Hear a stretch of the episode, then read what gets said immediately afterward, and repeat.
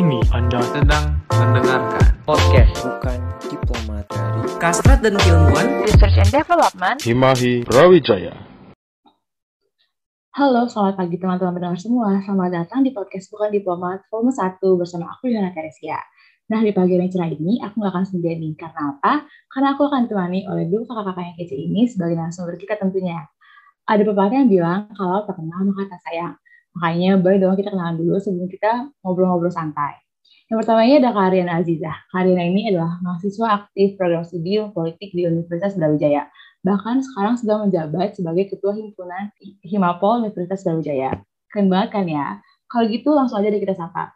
Halo Kariana, selamat pagi. Apa kabar Kak? Halo Yohana, selamat pagi. Salam kenal semuanya. Nama aku Arina Aziza. Uh, aku masa aktif ilmu politik dan sekarang uh, sedang menjabat jadi Ketua Hima Politik Fisik UB. Wah, ceria banget nih Kak Arina pagi ini. Kalau gitu boleh langsung ke Agnes, yang gak kalah keren juga. Kak Agnes ini juga mahasiswa aktif program studi HI di Universitas Brawijaya. Halo Kak Agnes, selamat pagi. Apa kabar? Halo Yohana, halo semuanya, selamat pagi. Aku Agnes Priscilia dari HIUB Angkatan 2020 dan salam kenal, semoga podcastnya fun. Salam kenal kakak-kakak semua. Oke, langsung aja nih kita mulai ngobrol-ngobrolnya. Kita mau bahas soal perempuan nih. Berhubung dengan perempuan, tanggal 21 April kemarin kita baru aja memperingati Hari Kartini. Pastinya kita nggak lupa dong bagaimana perjuangan Ibu Kartini untuk mengangkat derajat perempuan di Indonesia.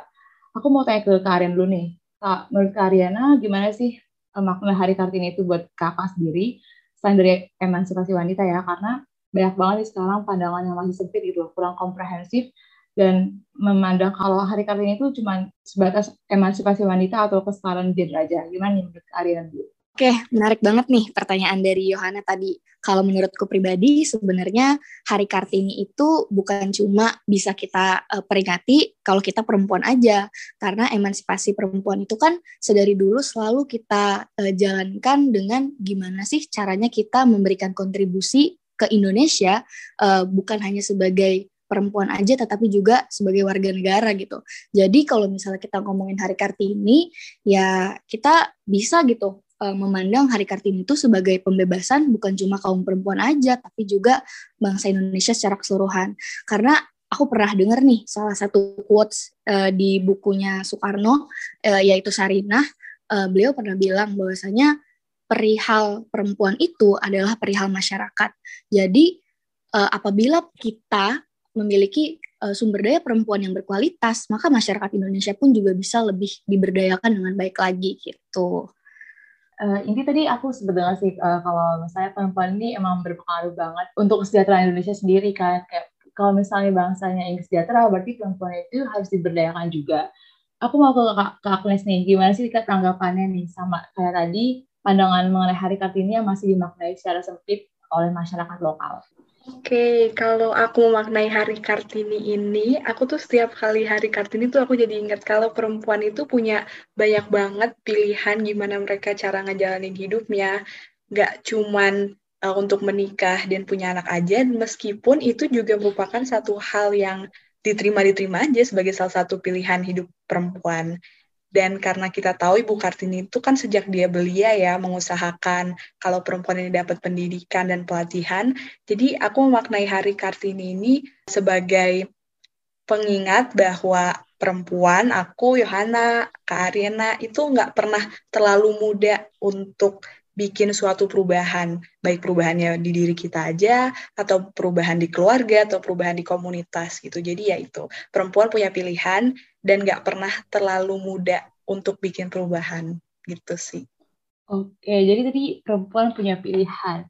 Salah satunya misalnya nih, bisa kita kaitin sama bidang politik nih. Kan ranah kita mau yang kita bahas itu bidang politik ya kita tahu kalau misalnya di undang-undang di Indonesia sendiri ini udah sebenarnya mengatur tentang keterwakilan perempuan di bidang politik dan itu pemerintah memberikan kuota sebesar 30%. Jadi perempuan tuh bisa berkecimpung di bidang politik dan kita bisa tahu nih kalau misalnya Bu Retno ini udah jadi Menteri Luar Negeri perempuan pertama yang ada di Indonesia.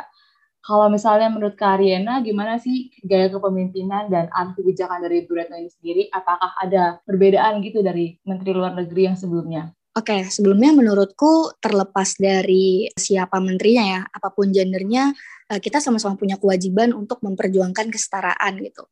Bukan hanya dalam uh, gender, tetapi juga kelas sosial, kelas ekonomi, dan lain sebagainya lah gitu.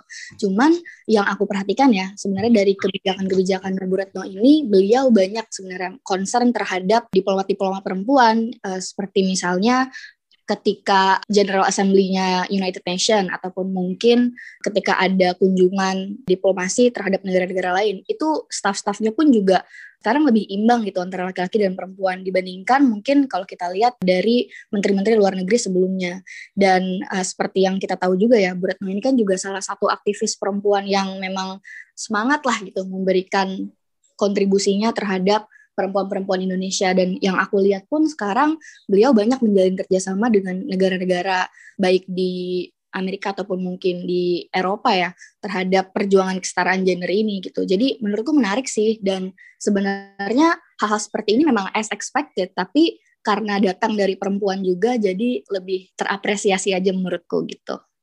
Iya berarti aku setuju banget aku sempat baca juga sih waktu itu kan uh, Bu Reta ini sering banget melakukan kunjungan-kunjungan ke negara lain dan itu bertemu sama perempuan-perempuan dan tujuannya untuk memperdayakan perempuan-perempuan itu juga terus tentang resolusi-resolusi yang dikasih sama Bu Retno di PBB juga itu sangat mendukung banget sih yang mencerminkan kalau Indonesia ini sangat mendukung kesetaraan gender dan nggak bisa pengaruh utama gender itu terjadi gitu aja. Aku mau ke Kak Agnes nih. Kalau Kak Agnes gimana nih Kak? Menurut Kak Agnes perihal gaya kepemimpinan sama arah kebijakan dari Bu itu? Oke, okay, um, tadi aku keinget yang Kak Ariana bilang ya, kalau Bu Ratno itu aktivis perempuan yang semangat itu benar banget sih, karena uh, dia tuh ternyata dapat penghargaan sebagai agen perubahan nih dari UN Women pas tahun 2017 itu keren banget sih menurut aku ya. Dan um, arah kebijakannya tuh dia pernah di satu press conference bilang kalau misalnya di kepemimpinan dia itu dia nggak mau terlalu konfrontatif dia bilang tegas itu nggak harus konfrontatif. Dan itu menurutku menarik sih untuk diteliti lebih lanjut ya kenapa dia bilang dia nggak mau konfrontatif dan dia bandingin sama diplomasi Indonesia yang sebelum-sebelumnya.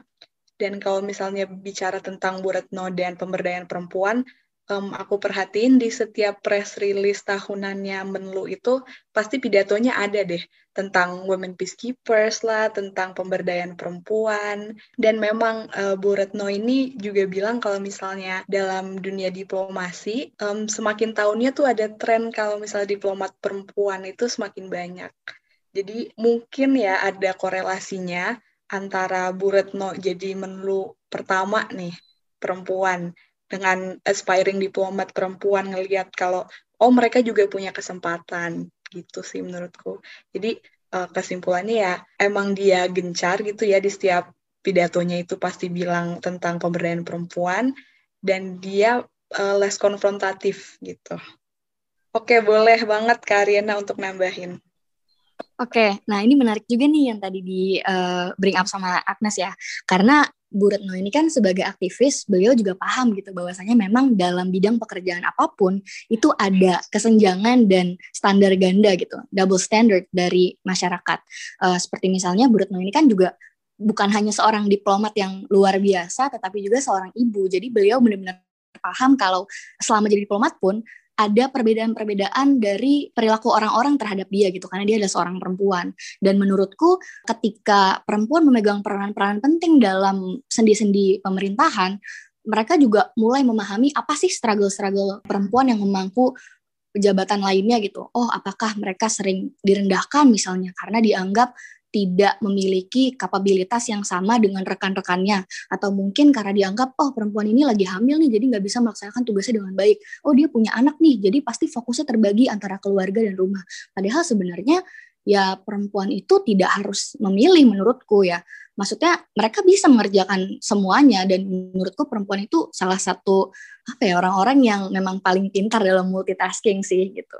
Jadi kalau ada yang bilang ah udahlah nggak usah ngapain jadi diplomat, jadi diplomat kan misalnya memakan banyak waktu gitu, nanti harus dikirim tugas ke luar negeri lah atau ke daerah-daerah yang rawan perang lah gitu. Jadi nggak bisa ngurus keluarga misalnya, tapi kenyataannya nggak seperti itu menurutku gitu, karena memang untuk bisa menyeimbangkan antara ranah privat dan ranah publik ya di sini statusnya sebagai uh, pejabat negara ya itu mungkin dilakukan dan itu dilakukan dengan sangat baik oleh Ibu Ratna Marsudi gitu. Aku mau nambahin itu, dulunya tuh kalau misalnya perempuan diplomat menikah sama sesama diplomat, yang satu harus undur diri. Dan biasanya yang undur diri itu uh, perempuan. Jadi sekarang itu udah nggak ada yang kayak gitu lagi dan menurut aku itu suatu pencapaian lah ketika perempuan sama laki-laki uh, diplomat menikah dan gak harus dan satu orang tuh nggak harus mengorbankan karirnya untuk kehidupan keluarganya gitu jadi ya untuk uh, dunia diplomat Indonesia dan kebijakan-kebijakannya udah mulai terlihat nih ada yang memperjuangkan kesetaraan antara laki-laki dan perempuan gitu. Tapi bahas soal ini nih, apa resolusi Women Peacekeepers tadi yang sempat kita singgung sedikit ya tentang kesetaraan gender gitu kan diplomasi Indonesia. Apa menurut Kak Arina atau Kak Agnes nih, menurut kalian nih resolusi Women Peacekeepers itu apakah menjamin kalau partisipasi perempuan-perempuan di Indonesia ini akan semakin meningkat ya di ranah global mengingat tadi kan kita sempat menyinggung juga tuh stigma-stigma masyarakat yang masih tradisional gitu kan. Terus tantangan-tantangan perempuan itu juga masih banyak karena pandangan-pandangan orang itu masih sempit banget soal peran perempuan itu. Bahkan kadang-kadang perempuan itu masih dibatasi dalam satu bidang aja. Apakah resolusi Women Peacekeepers ini tuh bisa meningkatkan gitu, bisa mendorong perempuan-perempuan Indonesia tuh jadi lebih berani lagi? Apa boleh nih ke, ke Agnes dulu? Oke, okay, um, menurut aku ya resolusi Women Peacekeepers ini dan Indonesia sebagai salah satu penyumbang terbanyak kita tuh dalam pem, dalam kepemimpinannya Bu Retno itu berhasil nyumbang lebih dari 100 women peacekeepers yang sebelumnya itu sama menteri-menteri sebelumnya itu nggak pernah gitu 100 wanita Indonesia uh, jadi peacekeepers global. Nah, itu pertama udah ada progres. Dan meskipun 100 lebih perempuan Indonesia diplomat ini sehebat apa pun mereka dalam dalam ranah global, kalau nggak dapat media coverage, itu nggak akan ada impact-nya gitu bagi perempuan perempuan-perempuan yang pengen berkiprah dalam politik global Indonesia. Jadi menurut aku kalau ditanya apakah ini dapat apa ya meningkatkan semangat dan eagerness uh, perempuan Indonesia untuk berpartisipasi dalam politik global, itu bisa tapi harus dapat media coverage gitu harus di harus sampai perempuan dan orang tua dan semuanya itu tahu kalau kita punya loh wanita-wanita hebat yang bisa menjaga perdamaian dunia dan perempuan tuh bisa loh menjaga perdamaian dunia nggak cuma laki-laki aja dan yang paling penting diplomasi dan politik global itu bukan lagi suatu ranah yang didominasi oleh laki-laki tuh jadi penting banget media coverage nih tentang women peacekeepers dan seberapa hebat women peacekeepers dari Indonesia. Menurutku gitu sih. Uh, kalau dari aku pribadi ya Hana, uh, aku ngelihatnya sih sebenarnya terlepas dari apa pun alasannya uh, perempuan dibutuhkan dalam uh, woman peacekeepers ya konteksnya, menurutku penting untuk ngasih tempat terlebih dahulu gitu. Karena kalau misalnya teman-teman di sini uh, pernah lihat nih, mungkin salah satu diplomat Indonesia ya, Mbak Nara Masista atau mungkin Mbak Silvani Pasaribu yang sempat viral juga beberapa waktu lalu karena ketegasan mereka dalam uh, United Nations General Assembly di New York gitu. Uh, dan menurutku it takes media by storm gitu. Hanya mereka berbicara aja nih di forum PBB gitu. Uh, masyarakat Indonesia tuh memberikan atensi dan uh, mungkin apresiasi yang sangat tinggi terhadap keberanian mereka karena mereka dianggap uh, tidak hanya diplomatis tetapi juga tegas memberikan standing positionnya Indonesia dalam misalnya sengketa wilayah uh, negara gitu. Jadi uh, memang betul yang dibilang Agnes tadi kalau media itu berperan sangat penting dalam memberikan exposure kepada perempuan-perempuan ini gitu supaya akhirnya orang-orang kayak aku, kayak Yohana, kayak Agnes itu bisa lebih terinspirasi lagi dan uh, dikasih gambaran nih kalau sebenarnya memang ya betul perempuan itu bisa mencapai hal-hal yang lebih tinggi lagi khususnya dalam politik global dan memberikan tempat lebih kepada perempuan di UN misalnya, ya itu bisa menjamin representasi yang lebih baik dan harapannya kebutuhan-kebutuhan perempuan-perempuan di dunia bisa lebih diperhatikan lagi gitu sama pemerintah-pemerintah mereka. Jadi nggak ada lagi mungkin perempuan-perempuan yang tidak diberikan jaminan kesehatan yang baik ataupun mungkin pendidikan atau mungkin kesempatan yang sama untuk berpartisipasi di pemerintahan ataupun militer. Gitu sih menurutku. Jadi menurut Kak Agnes nih perempuan itu harus dikasih media coverage. Terus Kak Arina juga mendukung ya kalau misalnya perempuan harus dikasih kesempatan juga gitu kan. Tapi kalau misalnya kita balik lagi ke tadi dua diplomat Indonesia, dua, dua diplomat perempuan Indonesia yang sangat aktif gitu waktu di General Assembly di UN, apakah dengan peningkatan jumlah diplomat perempuan atau semakin banyaknya apa diplomat perempuan Indonesia yang semakin aktif itu, itu bisa merepresentasikan suara-suara perempuan di Indonesia itu untuk menjadi lebih dengar uh, oleh dunia gitu kak? sebenarnya ya uh, peran media itu terkadang memang masih suka disalahgunakan dalam gerakan aktivisme gitu karena banyak banget mungkin orang-orang yang dijadikan dijadikan tokoh lah untuk performative uh, activism gitu tapi menurutku kita nggak perlu untuk fokus di situ aja karena di luar dari itu masih banyak lagi orang-orang yang memang punya intensi yang baik, punya kapabilitas yang luar biasa, dan terbukti memberikan perubahan gitu. Dan kalau ditanya apakah kita butuh untuk memberikan uh, lahan yang lebih banyak lagi untuk calon-calon diplomat perempuan Indonesia, jawabannya absolutely yes.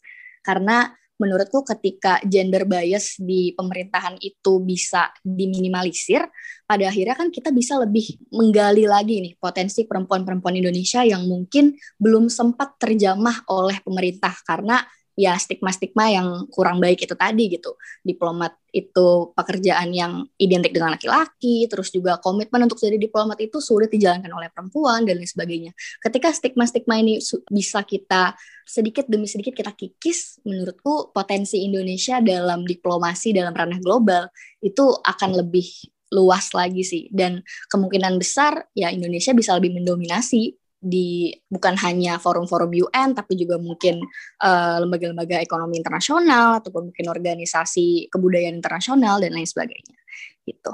Oke, kalau menurutku um, sebenarnya ketika banyak perempuan yang duduk di kursi diplomat itu oke okay, dia uh, sebagai representasi, tapi representasi itu uh, perlu kita sadar bahwa kita nggak bisa puas sampai situ aja, kita nggak bisa puas sampai jumlah diplomat perempuan kita itu banyak melebihi tahun sebelumnya. Tapi menurutku representasi juga nggak selalu um, mengarah ke better policy for women gitu meskipun ya aku percaya kalau misalnya perempuan mau dia diplomat atau ibu rumah tangga atau pelukis itu maunya sama mau punya dunia yang damai di mana anak cucu mereka itu nanti punya bumi yang masih sehat. Tapi aku tuh ngelihat uh, suatu apa ya kesenjangan gitu loh. Kayak kenapa kita punya 160-an women peacekeepers untuk dunia, tapi masih ada perempuan Indonesia masih banyak bahkan yang nggak lolos, yang nggak bisa menerusin pendidikan mereka cuma sampai SMP aja. Dan meskipun kita punya banyak women peacekeepers, banyak perempuan yang jadi diplomat dan menurut kita perempuan kenapa kita kenapa gender inequality index kita tuh masih rendah kita tuh dalam gender equality itu rankingnya 121 dari 162 negara. Jadi menurutku seharusnya dengan berkembangnya diplomat-diplomat perempuan, Bu Retno jadi menu perempuan pertama, dan perempuan diplomat juga itu benar-benar hebat banget, dapat media coverage yang oke. Okay. Pemerintah lokal tuh jadi lebih eager gitu loh untuk oke okay, kita juga harus nih memberdayakan perempuan-perempuan lokal yang secara sistemik mereka tuh nggak bisa ngeakses pendidikan seoke diplomat-diplomat perempuan gitu. Uh, okay. Aku mau dikit kali ya. Menurutku kalau kita ngomongin representasi perempuan dalam politik global dan kita akhirnya balik lagi ngelihat realita di Indonesia, pada akhirnya itu akan jadi PR bersama sih gitu.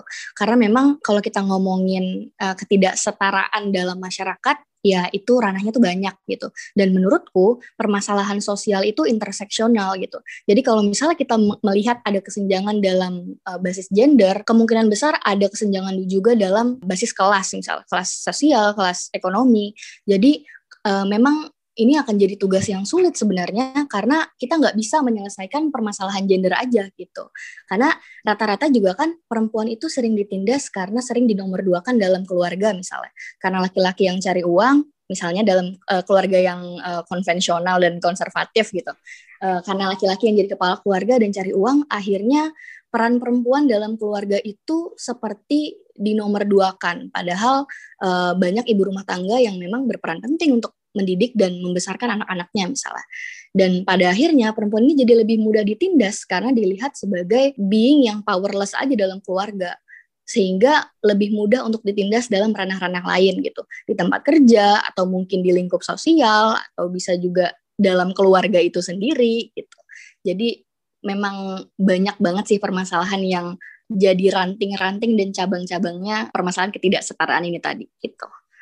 Iya, aku setuju banget sih sama yang dibilang Kak Ariana. Kalau misalnya perempuan yang nggak bisa exceed dari misalnya antara partisipasi labor atau tingkat pendidikan mereka itu bukan masalah gender aja sih, tapi ya emang itu sistemik dan menyeluruh karena di keluarga yang konvensional dan konservatif tadi kata Kak Ariana ya, biasanya tuh ada tren kalau misalnya emang ekonominya udah pas-pasan nih, yang di sekolahin ya yang laki-lakinya aja, anak laki-lakinya. Karena dipikirnya tuh ya nanti kan dia perlu cari uang. Kalau misalnya perempuan kan nanti ikut suaminya gitu. Jadi sebenarnya nggak cuma permasalahan gender aja, tapi ini tuh emang membudaya ya menurutku di Indonesia tuh.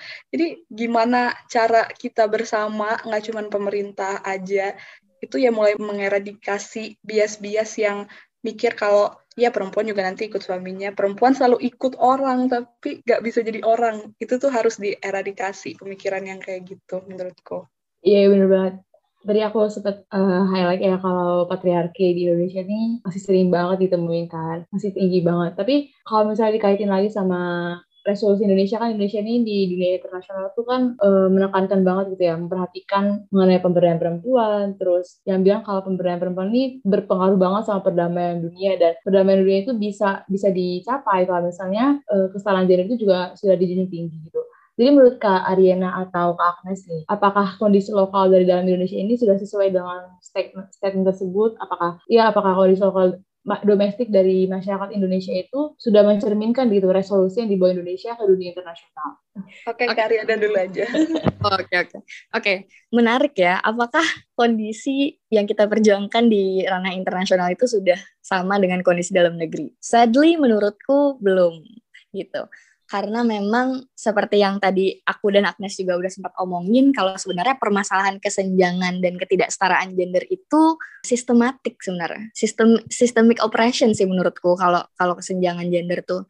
Karena balik lagi Indonesia ini kan kental dan sangat syarat dengan budaya terus juga kita kan negara yang beragama gitu. Agama di Indonesia pun juga rata-rata punya biasnya tersendiri terhadap uh, perempuan. Tergantung gimana kita menginterpretasinya sih, tapi kurang lebih itu yang aku lihat sehari-hari gitu.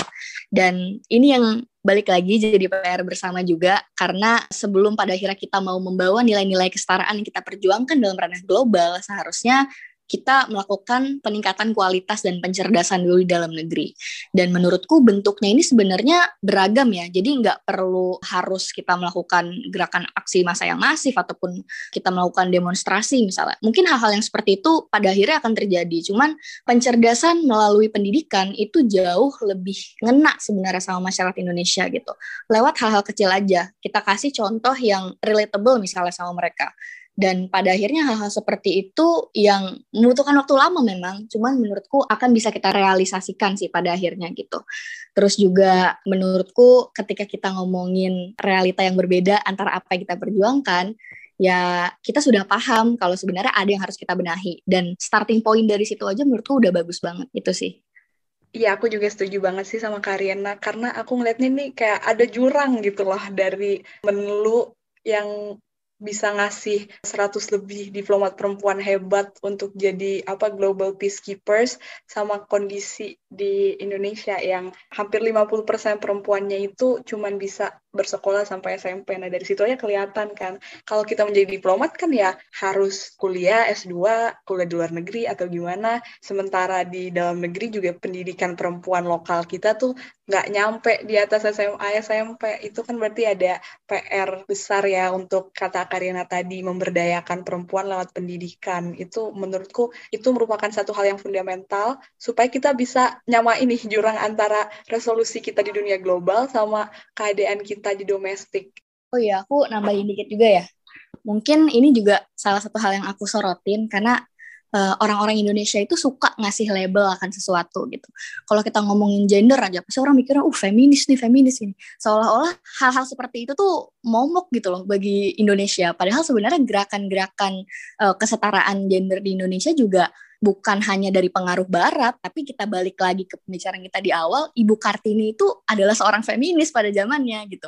Dia mau memberikan kesetaraan, dia memperjuangkan hak-hak perempuan untuk punya pilihan gitu. Tapi orang-orang cuma sekedar ngomong ya udah selamat hari Kartini, tapi nilainya tuh nggak dapet gitu. Dan menurutku ke depannya ketika kita melakukan pencerdasan soal ketidaksetaraan atau kesenjangan gender, ya kita harus pahami juga kalau Indonesia itu punya ciri khasnya sendiri gitu loh terhadap feminisme yang ada di Indonesia itu sendiri gitu. Dan harus juga kita tekankan buat pencerdasan ini bahwasanya kesetaraan gender itu adalah tugas bersama gitu. Hanya karena namanya feminisme bukan berarti ini urusannya perempuan aja itu enggak gitu.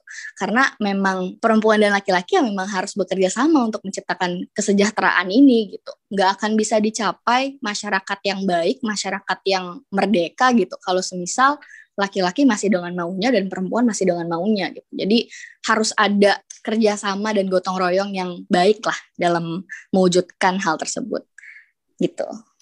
Iya, aku setuju banget sama Karyana. Kenapa kalau misalnya kita ngomongin gender itu langsung dikaitin sama aduh feminis nih tukang marah-marah nih nggak mau ngomong sama laki-laki nih nggak mau nikah nih nggak punya SJW anak nih SJW nih gitu iya kayak lucu juga. Padahal ya siapa sih yang nggak mau bisa kerja? Siapa sih yang nggak mau uh, bisa partisipasi di politik? Dan menurutku ini ada hubungannya juga sama kegiatan atau aktivisme feminis di global itu menurutku ya. Dari apa yang aku lihat itu didominasinya ya memang sama perempuan-perempuan kulit putih kurang ada representasi dari perempuan-perempuan yang dari belahan dunia timur dalam aktivisme feminis secara global. Jadi setiap kali kita bahas tentang gender dan feminis ya orientasinya oh ini sesat nih dari barat nih. Iya. Mana ada nih feminis Indonesia tuh nggak bisa nih feminis gitu. Iya benar banget. Padahal ya tiap negara memang punya ciri khas akan ide-ide feminisnya sendiri, cuman mungkin sebutannya aja yang beda gitu. Nilai-nilai yang diamini mah sebenarnya sama gitu sih. Dan mungkin juga ini ada kaitannya dengan um, ini ya. Kalau kita ngomongin feminisme itu kan alirannya ada banyak nih. Jadi mungkin orang-orang tuh langsung ngasih cap aja, oh kalau misalnya dia suka ngomel-ngomel, dia nuntut gini-gini, udah pasti dia feminis gitu. Padahal kan feminis juga alirannya banyak, terus juga yang diamini sama satu aliran ini belum tentu diamini dengan aliran lainnya gitu. Jadi harus ada pencerdasan sampai ke titik itu sih menurutku, biar orang tuh nggak langsung punya impression yang buruk terhadap orang-orang yang memperjuangkan kesetaraan gendernya tadi gitu. Tapi tadi aku sempat lihat dikit uh, dari pernyataan Kak Ariana tentang, tentang peningkatan kualitas sama kecerdasan masyarakat.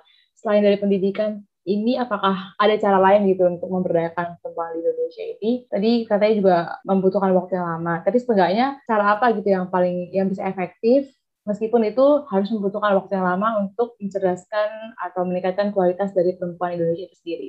Oke, okay kalau menurutku diskusi lewat forum-forum kecil kayak gini aja sebenarnya udah bisa memberikan dampak yang cukup signifikan terhadap individu-individu yang bersangkutan gitulah.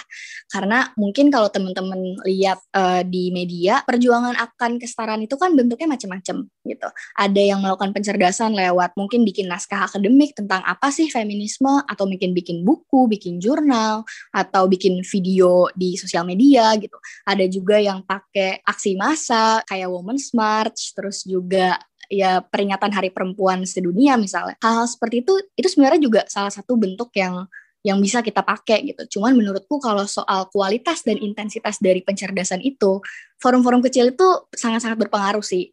Karena misalnya gini, aku ngobrol nih sama Yohana dan Agnes, terus aku tanya, eh kalian pernah gak sih ngalamin misalnya kejadian-kejadian yang kurang enak karena kesenjangan gender ini tadi? Terus Yohana dan Agnes langsung, oh iya kak pernah gitu.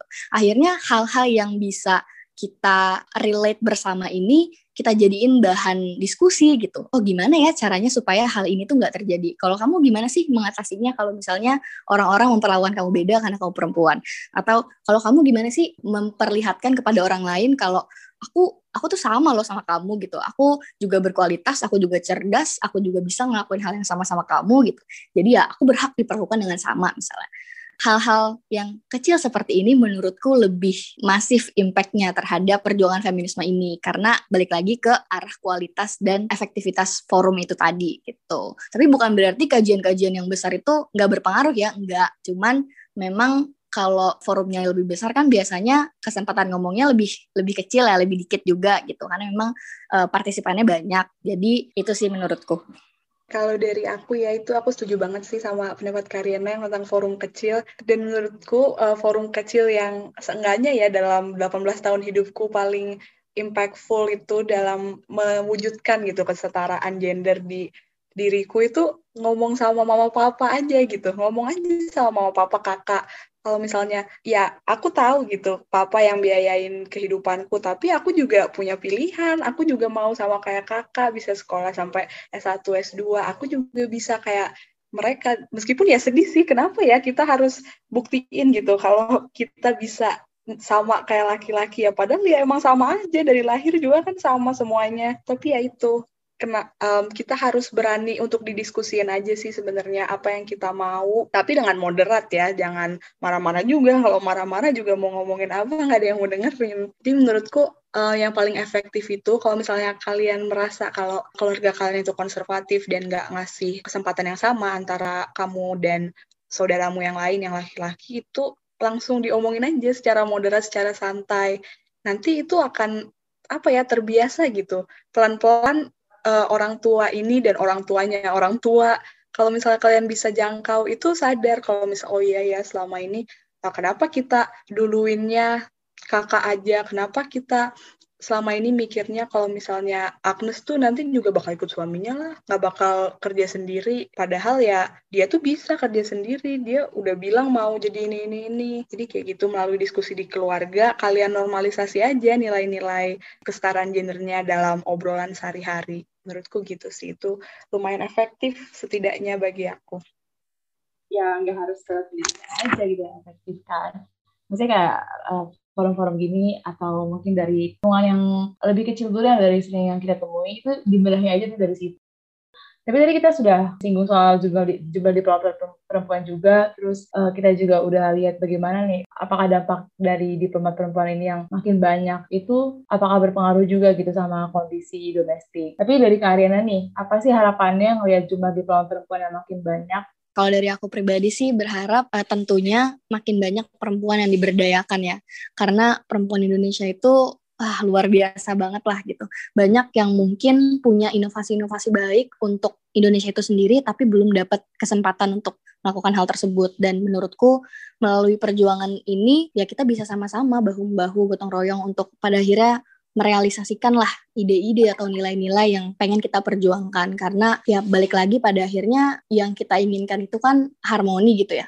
Gotong royong dan kerjasama itu adalah salah satu cara untuk mencapai hal tersebut. Jadi aku harap juga bukan cuma perempuan yang berjuang untuk meniadakan kesenjangan ini tapi juga seluruh lapisan masyarakat gitu. Terlepas dari gendernya dari kelas ekonominya dari kelas sosialnya. Gitu sih Oke, kalau aku harapannya ya kurang lebih sama kayak Kariana, kehebatan diplomat-diplomat perempuan Indonesia itu harusnya juga bisa dirasakan gitu sama perempuan-perempuan lokal. Mereka juga harusnya bisa untuk merasa setara nih dengan mereka, nggak selalu takut, insecure, nggak bisa jadi sehebat perempuan perempuan-perempuan yang di TV karena masalah yang sistemik. Jadi uh, menurutku harapannya ya uh, dengan berkembangnya perempuan dalam politik global Indonesia, politik lokal Indonesia nih merasa ada yang harus kita perjuangin bersama supaya uh, perempuan Indonesia nih hebatnya nggak di luar aja, nggak di global aja. Uh, aku okay, nambahin boleh, boleh, boleh, Kak. Terus juga menurutku politik itu kan memang alat untuk memperjuangkan mungkin hal-hal yang belum sesuai dengan harapan kita. Dan harapanku, politisi-politisi Indonesia yang berada di ranah nasional maupun internasional itu memperhatikan kesejahteraan perempuan lokal gitu. Entah mereka adalah petani, tukang jamu, atau mungkin uh, tukang gorengan ya. Misalnya perempuan-perempuan yang termarginalkan juga bisa dapat kesempatan yang sama untuk perempuan-perempuan yang mungkin punya privilege lebih gitu untuk menuntut ilmu, untuk mengejar karir yang lebih tinggi. Jadi jangan sampai hanya karena kita berjuang dengan cara kita masing-masing, ya masyarakat itu melihat ada perbedaan kualitas dari perjuangan kita. Karena menurutku ketika seorang petani misalnya, seorang petani perempuan bekerja dari pagi sampai sore untuk uh, menggarap sawah dan lain sebagainya supaya anak-anaknya bisa sekolah itu sama pentingnya sama perempuan-perempuan yang jadi diplomat memperjuangkan kepentingan Indonesia di politik luar negeri gitu. Jadi hanya karena bentuknya beda, harapanku ke depannya nggak ada yang lebih merasa penting gitu, nggak ada yang mikir perjuanganku lebih dihargai sama negara dan sebagainya, gitu sih. Oke, makasih buat Kak sama Kak. Tadi bicara soal harapan ke depannya dari Kak atau Kak nih punya nggak sih role model gitu?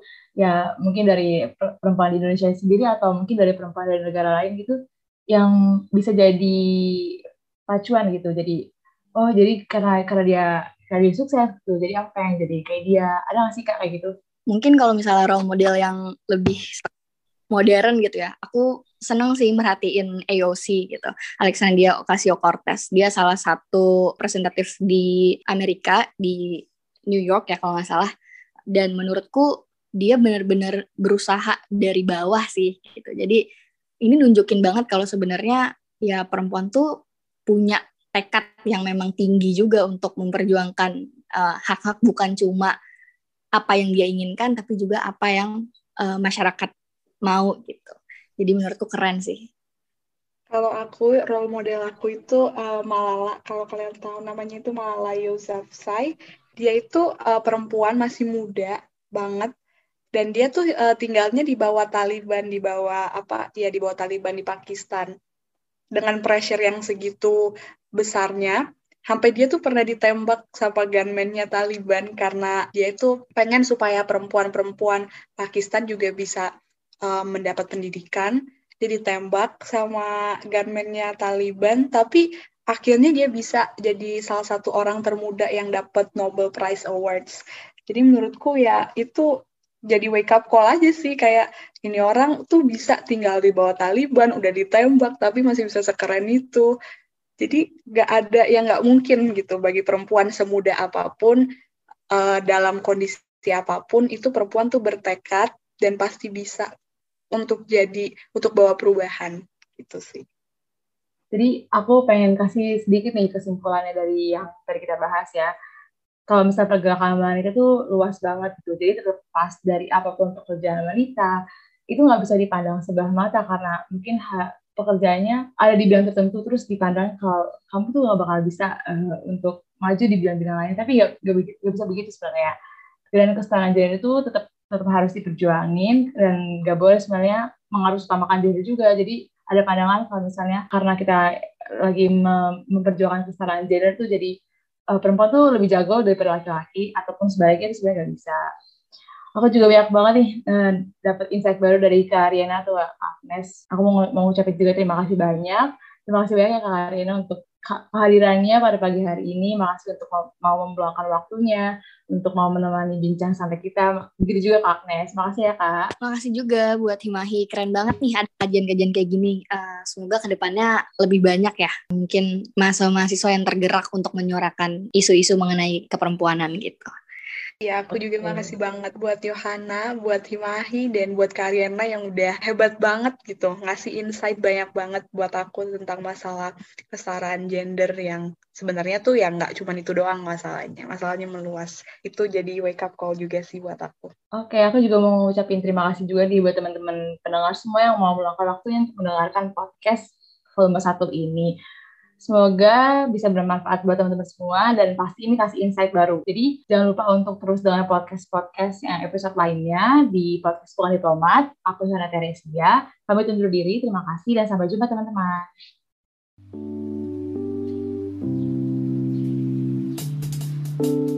That's a wrap. See you in our next episode. Lifelong learners.